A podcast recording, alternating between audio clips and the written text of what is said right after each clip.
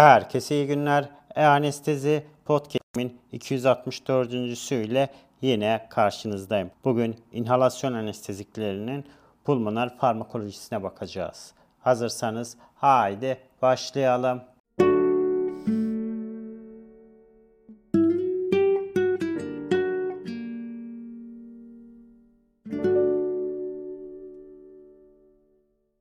Herkese iyi günler. E-Anestezi Podcast serimin 264. ile yine karşınızdayım. Bugün inhalasyon anesteziklerinin pulmoner farmakolojisine bakacağız. İnhalasyon anesteziklerinin pulmoner farmakolojisi karmaşıktır.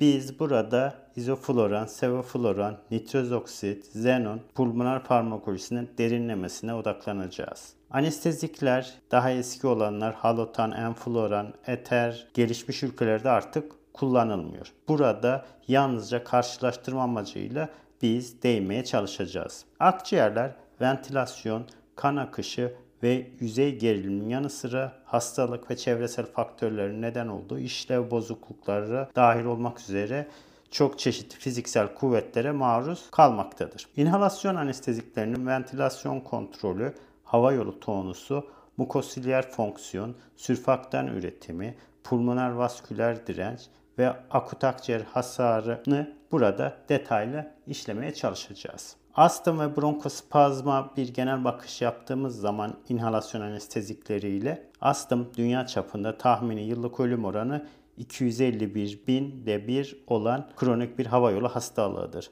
Asemptomatik astım hastalarına perioperatif respiratör komplikasyonları nispeten çok daha nadir görülüyor. Buna rağmen astımların %9'unda perioperatif dönemde bronkospazm gelişebiliyor. Astımlıların %25'inde anestezi indiksiyonunun ardından wheezing başlayabiliyor ve astım hastalarının %1.7'si kötü bir solunum ile karşılaşabiliyorlar. Ve bunlar ek olarak önceden astım veya koah öyküsü olmaksızın indiksiyon, entübasyon veya anestezinin idamesi sırasında da akut bronkospazm meydana gelebiliyor. ASA'nın kapanmış hukuki davalarında 40 bronkospazm vakasının %88'i beyin hasarı veya ölümle sonuçlanmış ve yanlış uygulama iddialarıyla sonuçlanmıştır. Önemli bir konu ise hastanın sadece yarısının daha önceden geçirilmiş astım ve kuahanın bulunması ve Amerika Birleşik Devletleri'nde anesteziye bağlı beyin hasarı ve ölümlerle ilgili davaların %28'i solunumla alakalı istenmeyen sonuçlardır. Ve bu davalar kapanan dava başına ortalama en yüksek maliyet ile ilişkilendirilmiş. Bu Fransa'da anestezi ile ilişkili ölümlerin %7'si bronkospazma bağlanmıştır. Ve vakaların %80'inde non-alerjik bir mekanizma mevcuttur. Her ne kadar hava yolu iritasyonuna bağlı bronkospazm, astım, ağır sigara içimi veya bronşiti de içeren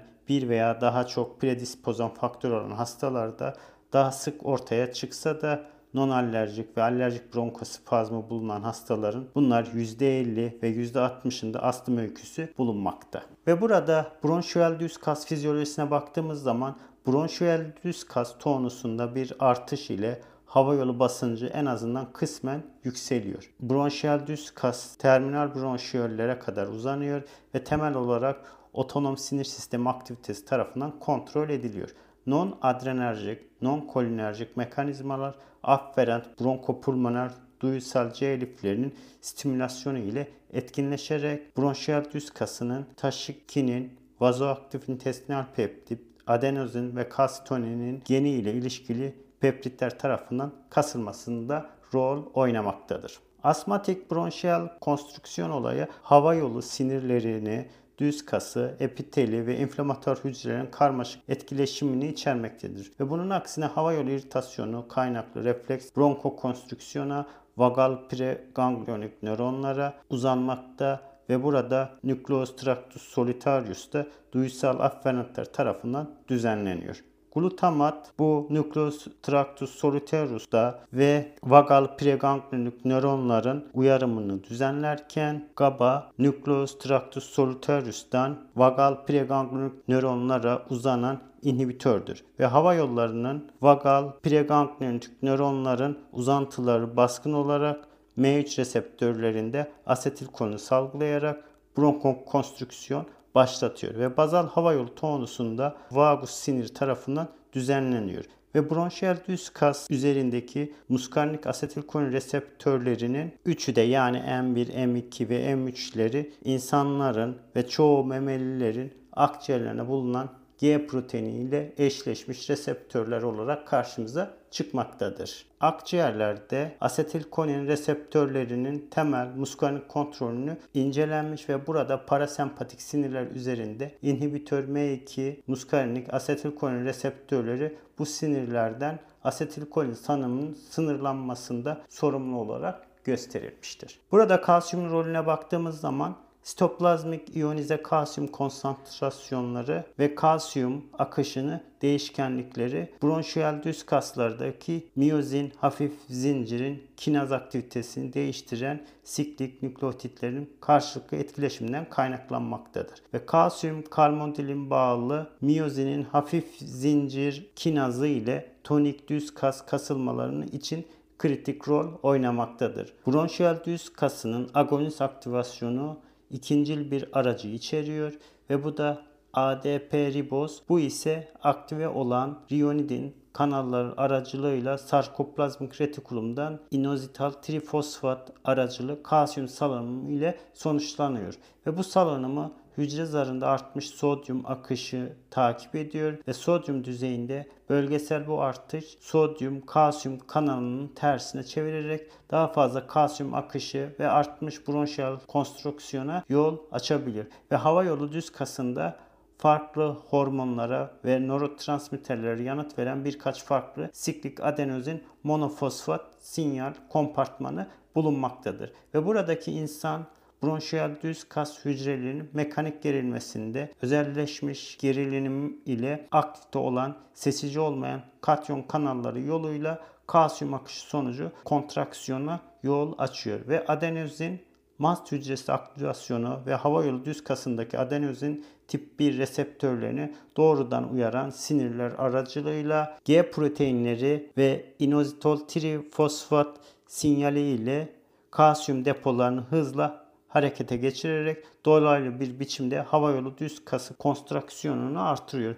Ve partikül guanil siklazın agonisti ile indüklenen uyarımı için kalsiyum akımı azaltarak bronş düz kasını gevşetirken çözünen guanil siklazın nitrik oksit gibi maddeler ile uyarımı kalsiyum kontraksiyonunu düşürüyor ve kalsiyum duyarlılığını azaltıyor. Histamin etkisine baktığımız zaman ise hava yolunda histamin salınımı H1 reseptörlerinin bronşiyal düz kastaki etkinliği ile fosfolipaz C ve protein kinazı azaltan medyatörlerin aktivasyonunu sağlayarak hücre içi depolardan kalsiyum salınımı sonucu refleks bronkokonstrüksiyon oluşuyor ve bu da kalsiyum kanalları, transit reseptörleri, potansiyel kanalları ile katyon kanalları ve bir sodyum kalsiyum değiştiricinin uyarılması yoluyla kalsiyum iyonu girişine yol açıyor. Nikotinik asit, adenin, dinükleotit, fosfat ayrıca burada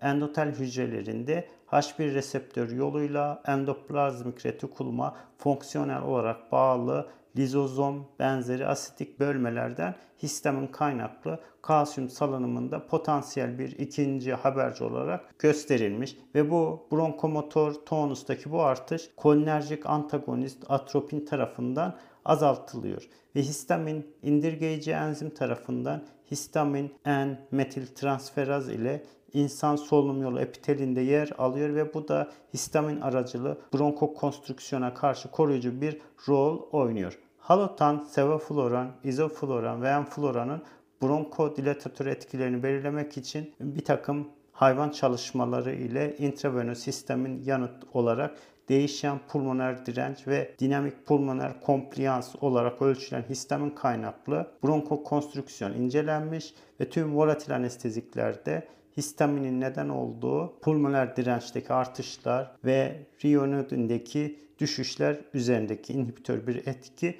gösterilmiştir. Evet, bugün inhalasyon anesteziklerinin pulmoner farmakolojisini anlamak için astım ve bronkospazma genel bir bakış ve bunların etki mekanizmalarına kısaca değinmeye çalıştım. Bugün anlatacaklarım bu kadar. Beni dinlediğiniz için teşekkür ediyorum. İyi günler.